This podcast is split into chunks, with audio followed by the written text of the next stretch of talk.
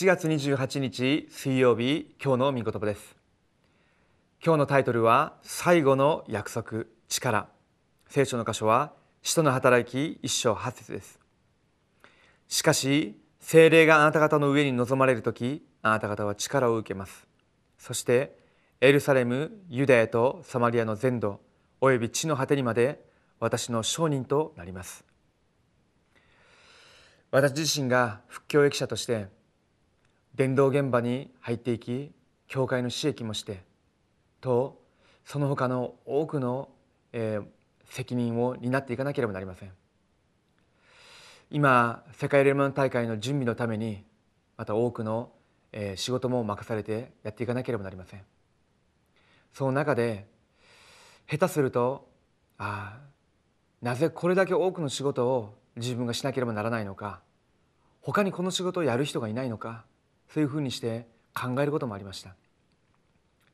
その時その時ごとに神様くださるメッセージが上からの力精霊の力を受けなさいという内容でした。今日も私と皆さんがするべき仕事行くべき現場本当にそれを伝道につなげてその現場そこで出会う人を生かそうとするんであれば絶対的に必要な力が精霊の力です。その力をどうやって得ることできますか？イエスがキリストだと全ての問題の解決者であり今でもその方が精霊で私と共にいらっしゃるんだと。その精霊の力を今与えてくださいと。その精霊の力で私の行く現場私の出会う人私自身に働いてくださいと。そのような祈りが心から込み上げてくる祈りが今日もなされるんであれば神様が私が今日走るべき工程を全部走り遂げることができる力を与えてくださいます。今日も私と皆さんにその祝福があるようにお祈りしたいと思います。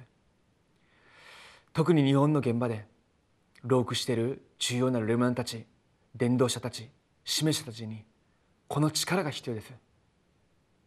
では今日の序文を一緒に読みたいと思います。イエス様が復活されて力がない弟子たちに世の中を生かす力を受けるようにとおっしゃいました。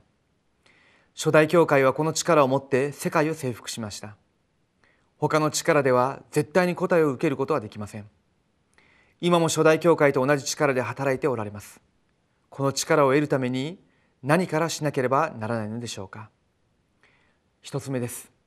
力を得るためにまず先にしなければならないことがあります。祈りの答えと祝福を受ける前にまず目が開かれなければなりません。キリストがすべての問題を解決されたことを見なければなりません。私たちの考えが変わらなければ重要なことを逃してしまいます。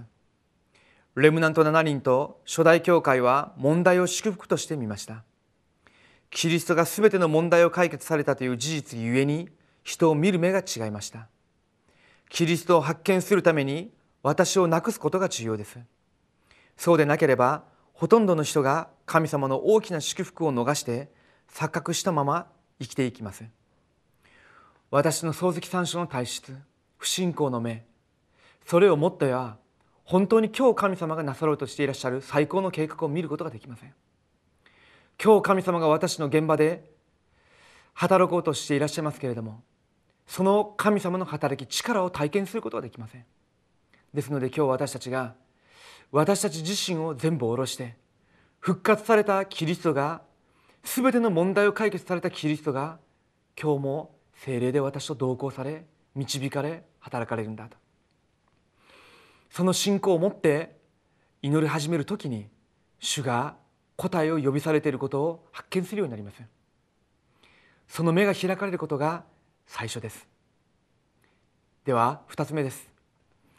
この時からとても重要な4つのことが成り立ちます。今から毎日キリストを発見しなければなりません。これが祈りです。キリストを発見する時間に暗闇の勢力が打ち砕かれます。この契約を握ってずっと祈るならばある日時刻表がやってきます。それが神の国です。この時から答えの門が開かれます。神様はすべての環境に対する祝福の理由を持っておられます。そのためイエス様は待ちなさいと言われました。主が再臨されるその日までこの御言葉はそのまま成就されます。問題が来た時や答えと大きな祝福が来た時今日の御言葉を握れば神様がすべてのことをなさいます。私たちが今日もマルコの屋上の部屋に集まった弟子たちと同じ契約を握って祈り始めるんであれば神様が私のいるその現場に力を持って働いてくださいます。まず私自身に神様が力を与えてくださいます。しかし精霊があなた方に下る時にあなた方は力を受けますとおっしゃられたその約束の精霊の力を体験する一日となるように今日も私がお祈りしたいと思います。3つ目です。騙されなければよいのです。サタンは今も3つの戦略を用います。個人と教会文化の中に入り込んでいきます。しかしイエス様が失敗するしかない全ての呪いを十字架の上で解決してくださいました。それでただ精霊の満たしを受けなさいと言われました。世の中の水準基準ではない。契約を握って24時間答えてくださる神様の見前で祈りの祝福を味わわなければなりません。復活されたキリストは今も精霊で共におられるので必ず勝利します。今日のフォーラムの次第です。どんな現場でも神様がくださる誠の力があれば勝利するようになります。今日神様がくださる霊的な力を得る私だけの方法を見つけてみましょう。お祈りします。生きとられる神様に感謝を捧げます。今日私たちに他の力ではなくて復活されたキリストの力精霊の力を体験させてください。今私自身に今日私の生活の現場に出会う人その現場を生かす力精霊の力が必要なので今この時間精霊の満たしを与えてください。